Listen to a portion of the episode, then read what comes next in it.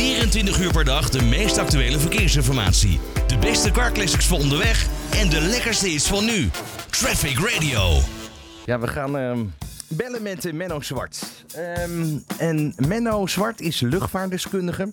Ik ga toch even een andere introductie doen dan dat je normaal gesproken zou doen. Maar als ik nu vertel dat het nieuws naar buiten kwam dat Willem-Alexander met zijn gezin naar Griekenland vloog. Dan moet je er even bij denken dat daar ooit iemand geweest is die dat ontdekt heeft. Dat is Menno geweest. Menno, goedemiddag.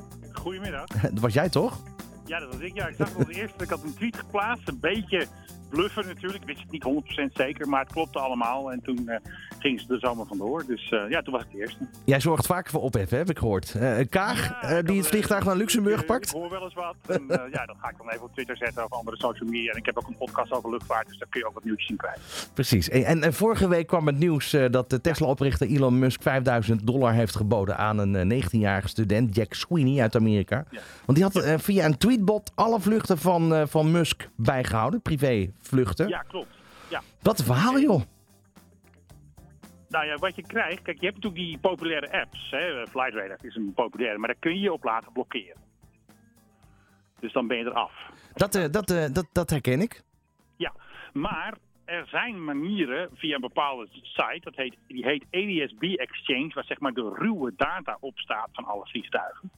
En die eh, Jack Sweet die had dus een, ja, bot bedacht, dus die heeft dus toch gewoon die info van die jet eh, ja, op een Twitterbot gezet. Dus die omzeilt eigenlijk gewoon die andere apps, want daar kun je gewoon jezelf eh, eraf laten halen. Maar van ADSB Exchange, daar kun je jezelf niet af laten halen. Dus ehm, zo gaat dat.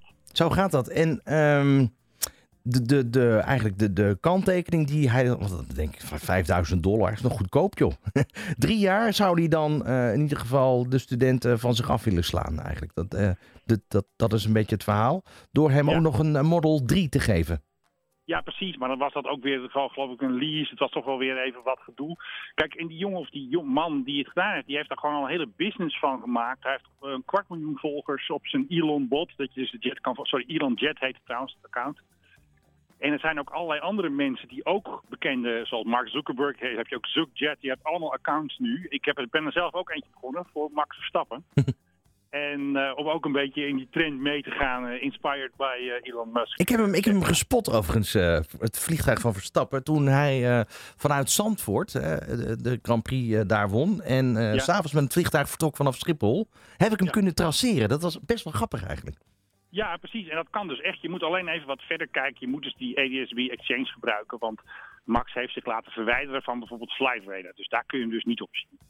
Kijk, dat, dat is eh, sowieso ehm, wat ik me wel kan voorstellen als je BN'er bent. eh, dat Ja. je eigenlijk wil dat je niet meer traceerbaar bent. Nou, dat geldt ook Ja. voor Elon Musk.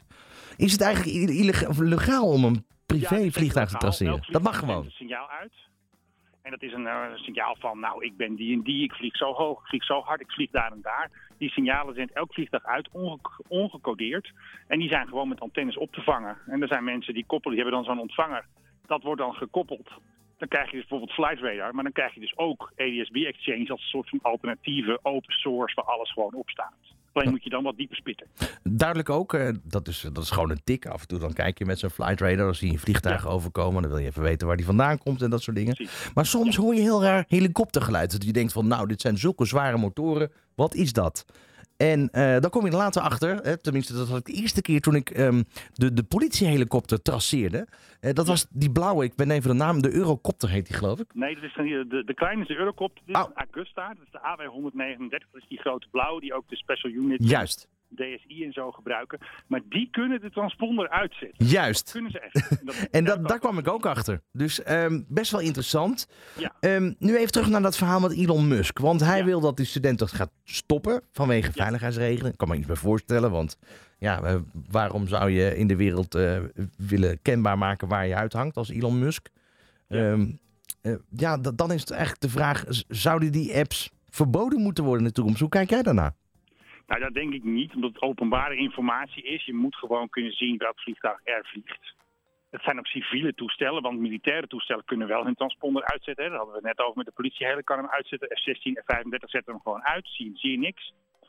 Dus dat, die veiligheid is wel gewaarborgd. Ja, en Air Force One kun je ook over zien vliegen. Als eh, eh, Biden hier langs vliegt, dan zie je ook gewoon eh, Special Air Mission. Dan zie je dat ook gewoon. Dus ik denk dat het gewoon zo moet blijven, omdat het anders maar ja, een beetje geheim eh, om niets is, vind ik eigenlijk. Ja, de vliegtuig gewoon een vliegtuig. Ja, die kun je overal op waarnemen. Die is daar nou eenmaal. Ehm, dan heb je, dat is een, een negatief verhaal in die zin, als een vliegtuig naar beneden komt, verandert het in een wrak. Ehm, maar waarom is het dan in één keer moeilijk om die vliegtuigen dan te traceren? Heeft het gewoon te maken met dat eh, ja, de elektriciteit niet meer wint, werkt van die transponder? Nou, die transponder is dan uit, maar dan gaat natuurlijk de zender aan van de twee black boxen die de grote toestellen meestal hebben. Dus eh, daar zit wel een baken aan vast. En hulptroepen zullen dan het toestel gaan vinden met, ja, met dat baken, dat zeg maar de, de noodzender die in de zwarte toos zit. Wordt daar nog iets in ontwikkeld dat het, dat het beter wordt en makkelijker transferbaar ook? Nou, kijk, nu is het vaak zo. Nu zijn er zelfs uh, dat je via FlightRadar zelf met satellieten kunt zien dat een toestel boven de oceaan vliegt. Dus, ah. dus dat gaat nu, dat is zeg maar een stap. Uh, vroeger ging, was een vliegtuig gewoon weg als hij naar Amerika ja. ging, ook met via FlightRadar. Dan kon je hem pas weer zien als hij bij New York kwam. Brengt mij eigenlijk op het volgende nieuws. We hebben het over Elon Musk gehad. Hè? Uh, zijn, zijn ruimtevaartbedrijf SpaceX heeft, ja. althans is vandaag bekend geworden, 40 satellieten zijn gewoon kwijt. Eén klap, hoe kan dat? ja, gewoon ja, door een zonnestorm. Ik heb het even heel vluchtig gelezen, dat had ook vanmorgen eventjes gehoord. Maar blijkbaar is er zoveel schade ontstaan aan die satellieten. Dat zijn, uh, ja, dat zijn systeem uh, minder goed werkt. En inderdaad bijna alle satellieten kapot zijn of niet meer bestuurbaar zijn. Dus dat is wel even schrikken, denk ik. Kijk, Menno, je zei net al eventjes, jij maakt een podcast over luchtvaart. Um, ja. Wanneer komt je volgende podcast uh, uit? Nou, we nemen meestal op in het weekend. En meestal staat hij zondag online. Hij heet de Mike High Club. Dus niet de Mile High Club. Dat is weer heel wat anders. Hij heette de Mike High Club als een beetje grapje daarop.